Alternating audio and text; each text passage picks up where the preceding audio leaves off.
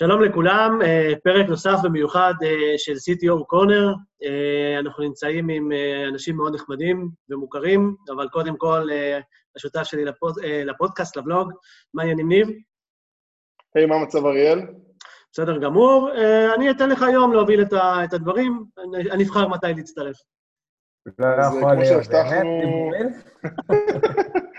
אז כמו שהבטחנו באמת, בכל מדי פעם אנחנו נביא אורחים מאוד מאוד מעניינים שידברו על נושאים סופר אסטרטגיים וחשובים לעולמות שלנו. והפעם אה, אני ממש אה, שמח אה, קודם כל להזמין ולארח כמובן פה את אבנר שטראוס וליאור ישראל. אז קודם כל, חברים, בואו תכירו את עצמכם, תספרו על עצמכם. קודם כל, תודה רבה. תודה על ההזמנה. אמ, ליאור ואני, אנחנו חלק מפירמת ייעוץ, אה, אני מניח שדי מוכרת, קוראים לה שטראוס אסטרטגיה, קיימת כבר קצת יותר מ-20 שנה.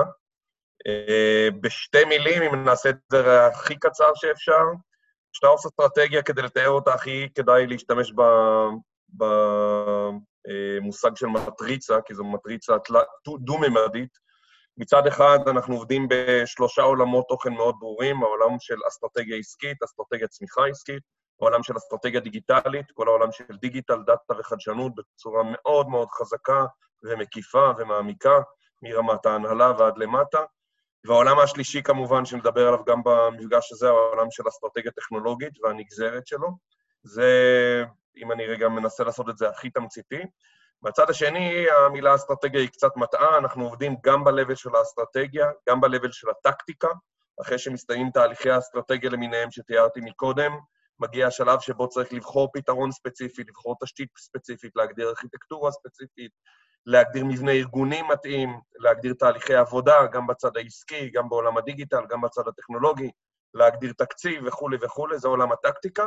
ואנחנו יודעים גם לעבוד מאוד מאוד חזק ויפה בעולם היישום, כלומר ברצפת הייצור בפועל, לעבוד ביחד עם הארגונים שאיתם אנחנו עובדים, זה מרבית ארגוני ה enterprise בישראל, כמעט בכל הוורטיקלים, ולמעשה יד ביד להוביל איתם את אותו שלב שבו הצמיג פוגע בכביש, ולמעשה התוכניות היפות, ולא משנה אם זה שלב האסטרטגיה או הטקטיקה, צריכות להתחיל להיות מתורגמות לפרקטיקה, למשהו שמאוד מאוד tangible, שנותן תוצרת ובזמן קצר מאוד, אפרופו agile, אפרופו DevOps, אפרופו הרבה כותרות אחרות מאוד חשוב, חשובות בהקשר הזה.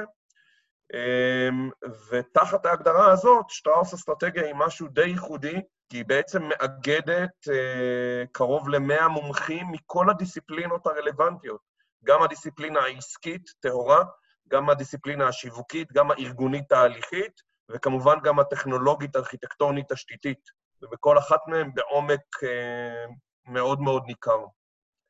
זה בקצרה. אז, מההיכרות שלי גם איתכם, אז אחרי כל ההקדמה המדהימה באמת, וזו חברה מאוד מאוד ייחודית בנוף הישראלי, היא גם אה, אספה סביבה אה, אנשים שהפכה את זה, הפכו אותה לחברה הזאת. זאת אומרת, גם מהחוויה שלי, שאני עובד, שאני עובד מולה, אה, זה לא סתם היא הגיעה לאיפה שהיא הגיעה, אני חושב שגם, אני קורא לזה, הנבחרת שנרקמה עם השנים, הביאה, הביאה את החברה לאיפה שהיא נמצאת היום. עם הרבה הרבה כבוד. נשמע מאוד מאוד מעניין. ליאור, ואתה כן. עם הרקע הכתום? בתור צופה אה, מושבע של אה, הוולוג הזה, אז קודם כל אני מאוד מתרגש להיות פה.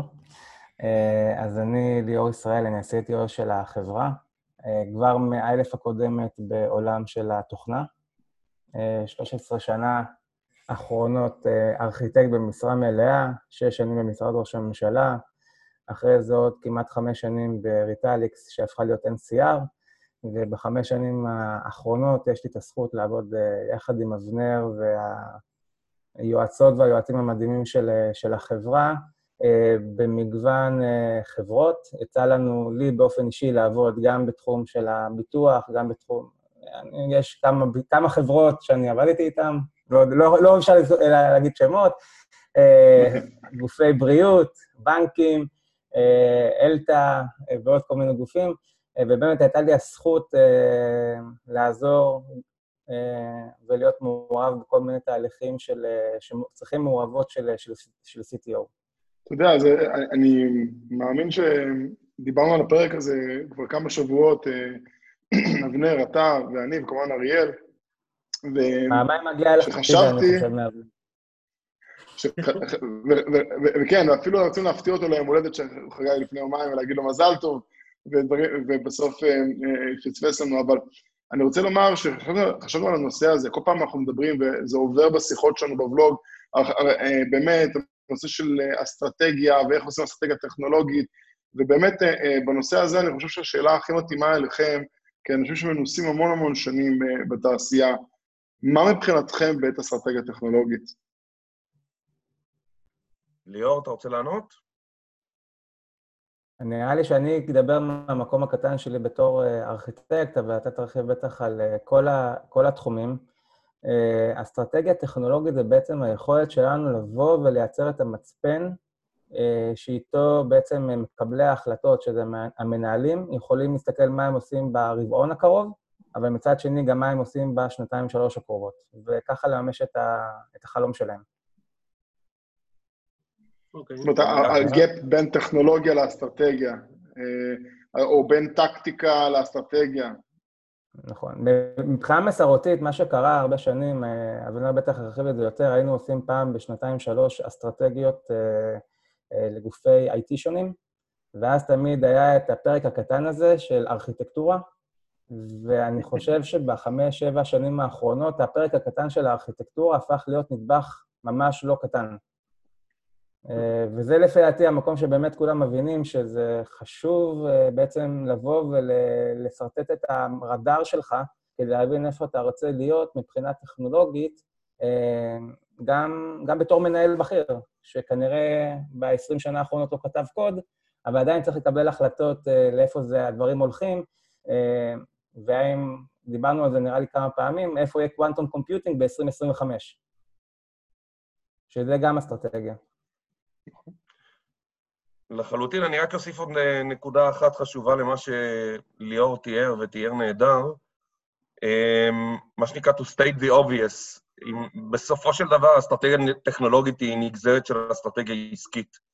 והאומנות הגדולה, וזה באמת אומנות, יש הרבה שמתיימרים לדעת לעשות על זה, אבל מעטים באמת יודעים לדייק ולחתוך עם הסקלפל בצורה מאוד אה, ברורה וחדה בהקשר הזה, זה התרגום בין אסטרטגיה עסקית, גם אם אין כזאת בצורה פורמלית, דרך אגב, אפילו נקרא לזה מיקודים עסקיים של הארגון, ולא משנה כרגע מאיזה ורטיקל הוא, זה לא חייב להיות ביטוח, זה יכול להיות כל ורטיקל אחר, לבין העולם האופרטיבי-טכנולוגי המדויק, כלומר, לגזור מיעדים, מטרות, הגדרה מאוד ברורה של תוכנית פעולה עסקית, את הרובד הרלוונטי הטכנולוגי שישרת אותה ושיביא את ה-value הגבוה ביותר, ובזמן הקצר ביותר, וכמובן בסיכון הנמוך ביותר.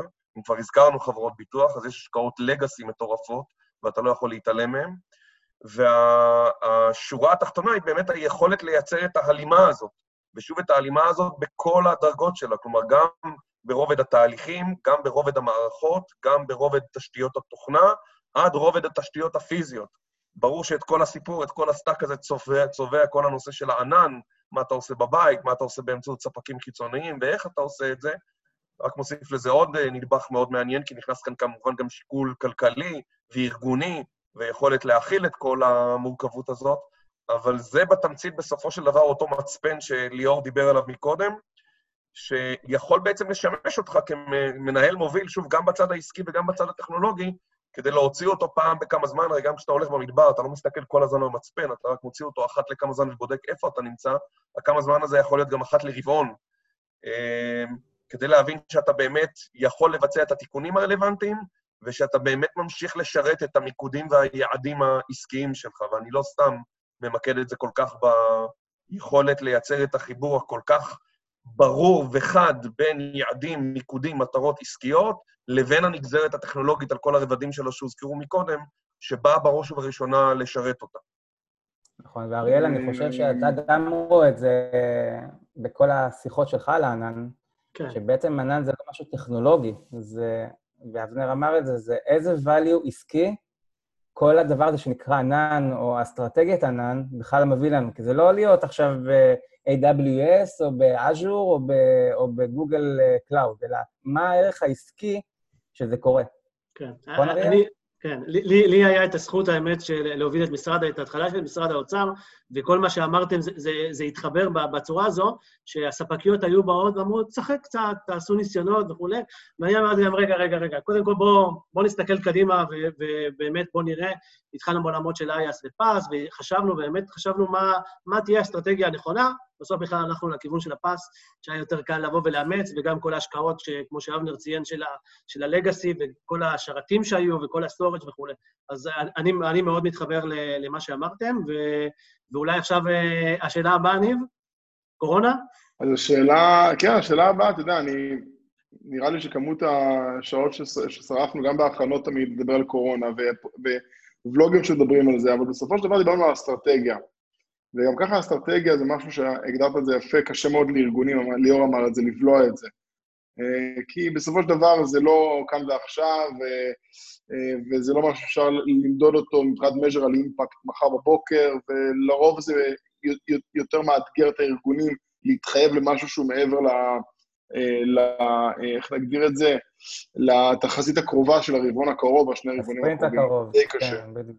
Mm-hmm. מאוד קשה להם. אבל אולי השאלה הכי נכונה, האם, האם, מה השינויים, אולי נגדיר את זה אחרת, לא נדרשים אפילו, מה השינויים ההכרחיים שכל ארגון חייב לאמץ באסטרטגיה הטכנולוגית שלו. מההיבט שלה, כמובן של הקורונה, זאת אומרת, הקורונה היא הזדמנות נהדרת לריבוט להמון המון דברים. ליאור, אתה רוצה להתחיל? לפני שאבנר יגיד, כן, אנחנו, מהשיחות שלנו עם, עם הרבה מאוד אה, מנהלים בכירים, גם בצד של הספקים וגם בצד של הלקוחות, הם אומרים לנו שמה שהיה לוקח להם פעם שלוש עד שבע שנים, הם עושים את זה בין שלוש שבועות לחודש וחצי. ונראה לי שזה הדבר המהותי, וכשמדברים על אסטרטגיה, אז אם פעם מדברים על אסטרטגיה של שלוש שנים, אז אנחנו מדברים על אסטרטגיה של חצי שנה שזה נראה נצח. אה, ונראה לי שזה הדבר המהותי ש, שהתקופה של הקורונה אה, שינתה לנו. כל, ה, כל הקצבים היותר מהירים של קבלת החלטות טכנולוגיות, לנסות ולרוץ קדימה. א', אני מסכים מאוד. המייל של מפוצץ, אה, נראה לי אין סוף על הדברים האלו בדיוק. מה שלי מפוצץ? המייל בדיוק על הנושאים האלו. כן. אני אנסה למקד את זה בצורה מאוד פשוטה, אה, בשלוש כותרות מאוד, אה, או עד כמה שניתן, מדויקות. אחד, אני חושב שהשיעור הראשון, שאני מאוד מאמין בו גם ככה, אבל אין לי ספק, אני פשוט רואה את זה מקרוב, זה עובר כחוט השני כל כך הרבה ארגונים בישראל, כמובן בא לידי ביטוי במילה צניעות. הקורונה לימדה את כולנו צניעות. ראינו תוכניות מגלומניות, ראינו פרויקטי ליבה מטורפים, ראינו החלטות גם שנובעות מ... בואו בוא נאמר את האמת, כולנו כאן בפורום המאוד מצומצם והאינטימי הזה, הרבה מאוד מאגו, ולא תמיד מ... רק שני שלוש צופים, לא יותר מזה. כן, רק שלוש, בדיוק. והדבר היפה שהקורונה לימדה את כולם, קודם כל, זה באמת צניעות. תראו מה קורה מסביב, תראו מה קורה בעולם, תראו גם מה קורה בישראל. אה, באמת, בלי, אני גם לא אומר את זה מתוך שום הטפה, אני אומר רק את מה שאני רואה. בואו נשים את האגו בצד, בואו נתמקד בעניין, בגופו של עניין, במה באמת יכול לתרום ולהביא לנו ערך עסקי, וזה בא לידי ביטוי, שוב, כחוט השני, בכל מערכי הדיגיטל וה-IT, בוודאי של החברות שאנחנו רואים, ואפרופו במלוא הצניעות, זה בערך 200-250 הארגונים הכי משמעותיים בישראל היום, ששטראוס גאה לשרת בזכות הון אנושי מדהים שלה. הזכרת את זה מקודם, ניב. אז זה הדבר הראשון. הדבר השני, כמובן, והוא עלה בצורה מאוד יפה בדברים של ליאור מקודם, זה גמישות. אם גם מקודם, אפרופו ענן, חיפשנו הפיכה של הוצאות קבועות למשתנות, וחיפשנו את הגמישות גם בארכיטקטורה, אפרופו microservices ולא מונוליט כזה או אחר, וכמובן כל העולם של Docker זה קונטיינר. בדיוק, ולא shift lift, שאין דבר כזה בכלל. אז הנושא של גמישות... אתה מושך לי, אני הבטחתי לאריאל שאני אהיה מנומס בבלוג שלנו, אבל אתה יודע, המילה shift lift, בוער לי בלשון להגיד מילה אחרת שמתחילה גם ב-S לגבי זה ו lift, אבל אני לא אפתח את זה עכשיו בבלוג, כי אנחנו נשמור עליו מתורבת, בסדר? הפעם הזאת. בקיצור, אני אנסה רגע לשמור על הקו האחראי והרציני בשיחה, והנקודה השנייה, לתת ניהול, אפרופו פשוט, אה, זה פשוט גם מתחדד ועדיין מתחדד ברמות פשוט מטורפות, ואנחנו רואים את זה שוב, גם בהיבט הארכיטקטורה היישומית, גם בהיבט של הארכיטקטורה הטכנולוגית, גם בהיבטים שבאמת צובעים את הכל בהקשר של ענן, של on demand ושל pay per use ושל היכולת באמת להשתמש בחלב ולא לקנות פרה שלמה כשאתה צריך רק כוס חלב, ושוב, זה לא משנה כרגע אם זה SaaS על כל מגווניו, או PaaS, או IaaS, או whatever. אמ, ואנחנו רואים, זה, זה לא שאין תכנון אסטרטגי, אבל האלמנט של הגמישות ויכולת השינוי בהקשר הזה, כמובן מקבלים משנה תוקף עוד יותר גדול. והנקודה האחרונה, הבטחתי שיהיו רק שלושה, זה כמובן, או של... שלוש או שלושה, לא משנה, זה כמובן הנושא של מיקוד. Uh, הוא בא ביחד כמובן גם עם השניים הקודמים, אבל הרעיון של מיקוד, של התמקדות בעיקר, של הסטת הטפל הצידה, של הבנה עוד פעם שאנחנו משרתים מטרות ויעדים עסקיים מאוד מאוד ברורים, ועם כל הכבוד, כל הכותרות היפות האלה של אסטרטגיה דיגיטלית, זה הרי הכל בולשיט, סליחה על הביטוי, בפועל יש אסטרטגיה עסקית, דיגיטל הוא רק נגזרת שלה, הוא כבר רץ וזורם בכל העורקים של כל הארגונים שלנו anyhow. הנקודה היא כמובן לעשות אותו שוב בהתאם לאותו מיקוד עסקי, אה, שהדבר הכי חשוב בו, שוב, במיוחד מתחדד בימים האלה, הוא יכולת הדיוק. הדבר הכי קשה, לעניות דעתי, בתהליכי אסטרטגיה זה להחליט מה לא לעשות, לאו דווקא מה לעשות. וארגונים רק מקבלים את זה. בצורה עוד יותר אה, חזקה ומשמעותית, במיוחד בתקופות מהסוג הזה. אבנר, מה שאתה אומר זה משפט כל כך חשוב, וזה מה שאני שומע תמיד. ארגונים אומרים במה הם מתמקדים, ולא במה הם לא מתמקדים. בדיוק. זה, כי, כי, כי באיזשהו מקום, אני חושב שההחלטה הארגונית, לבוא להגיד לארגון, אני נוטש אזור שחשבתי שאני אשקיע בו או אתמקד בו, ואני לא אשים את הפוקוס עליו כי החלטתי לחשב מסלול מחדש ולעשות משהו באופן שונה, אני מחליט באופן מודע לא לגעת באזור ספציפי, אני חושב שזו החלטה הרבה יותר קשה למקבלי ההחלטות, מאשר החלטה שאומרים, אוקיי, בוא נתמקד באלף, ב', ג', ד'. כי הוא אומר בקטע הזה, מה שלא אמרנו, תמשיכו, אבל לא. כי בסופו של דבר, כמות כוח האדם בארגונים מוגבלת, וכשרוצים לשנות מיקודים, צריך להסיט את הספינה. דיברת על הקטע של uh, להסתכל במצפן, אני מאוד מתחבר לזה, להסתכל שהספינה היא דוהרת לכיוון המתאים, ואתה לא רוצה סטייה בדרך, כי אז uh, אתה נמצא את עצמך לא מגיע ליעד שאליו כיוונת. אני, אני, אני מחבר אל ה, אל ה, באמת לשאלה, אני אנסה לחבר ביניהם ממש בקצרה, אבל אולי מה הקושי של ארגונים בחשיבה אסטרטגית, או לחילופין, מה שלושת העצות שלך לארגונים בימים אלו, לסוג של סיום. אולי אפשר לחבר ביניהם, כי בסופו של דבר, אני, מהצד שלי שאני מסתכל על אסטרטגיה, אני אומר, צריך, והבטחתי את זה לצופים, זה חלק מהקומנטים שקיבלנו, אנחנו רוצים לצאת עם סוג של, אה, אפשר להגיד שלושת עצות מרכזיות, איך ארגונים אמורים להתאים, או מה לעשות עם התוכניות האסטרטגיות שלהם. גיאורי, אתה רוצה להתחיל?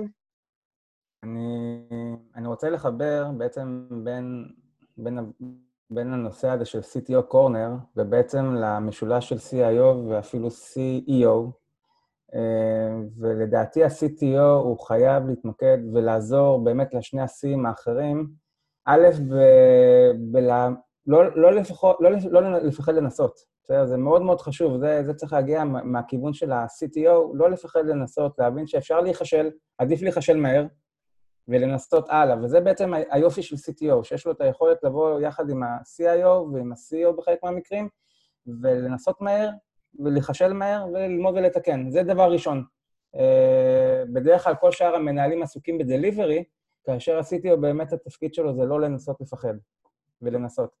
הדבר השני שגם פה ה-CTO, בגלל שהוא רואה הרבה מעבר, זה את כל הנושא של ההון האנושי. אה, תקופת הקורונה בכלל, ובכלל התקופה, אה, שכחנו להשקיע בהון האנושי. ו- וזה מאוד מאוד חשוב שה-C-Level השונים אה, לא ישכחו שזה אחד מהדברים הכי חשובים שהם צריכים לעשות, אה, אם לא הדבר הכי חשוב. ו, ודיברנו על enterprise, אני חושב שכמה שיותר שיתופי פעולה, גם עם ארגונים אחרים אה, וגם עם סטארט-אפים, זה חייב להיות ב-DNA היום של כל ארגון שחפץ חיים. זה שלושת הדברים לפחות מהצד שני, שכל פעם שאני עובד עם C-Level, זה, זה, משם אנחנו מתחילים. אז א', אני, אני לא יכול... בקיצור, אני מאוד מסכים, ליאור.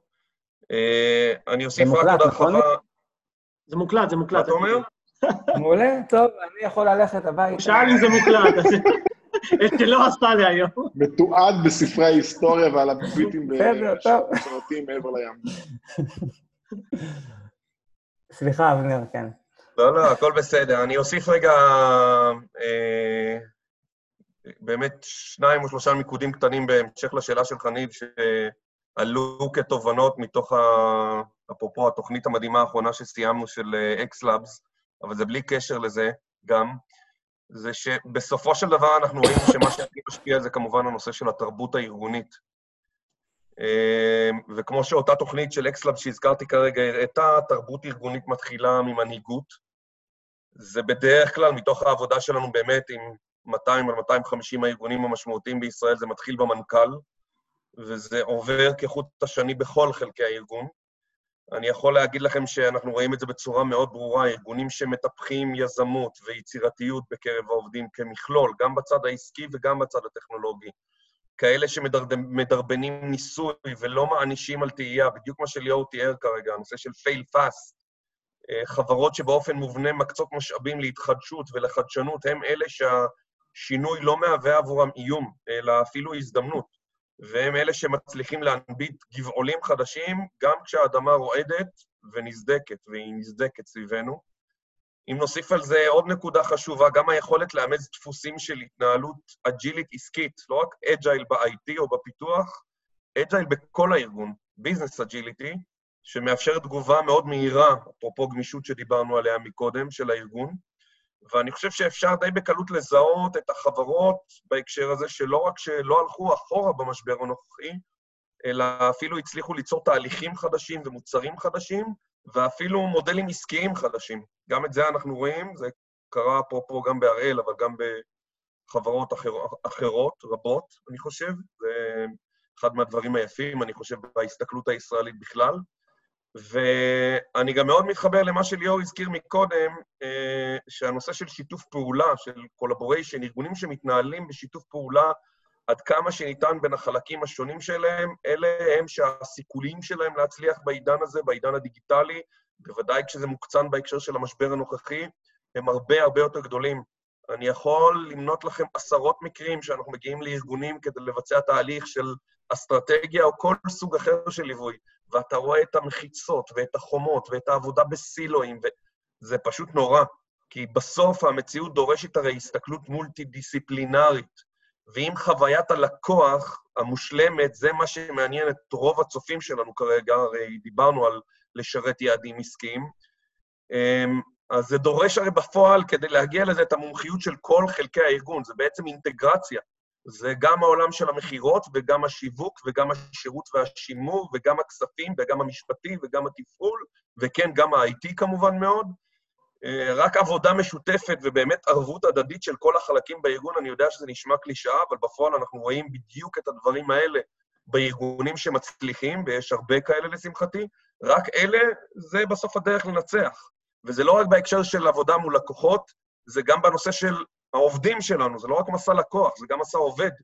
כי במיוחד בעידן הנוכחי, הנושא של חוויית העובד הופך להיות סופר קריטי, בעיקר בעידן של הקורונה שהפרידה את העובדים, ועכשיו הרבה מאיתנו עובדים מהבית, מרוחקים מהלב של הארגון, ועדיין צריכים כמובן לעבוד ביחד. פה שוב פעם האלמנט של collaboration, של שיתוף פעולה, אפילו עוד יותר משמעותי.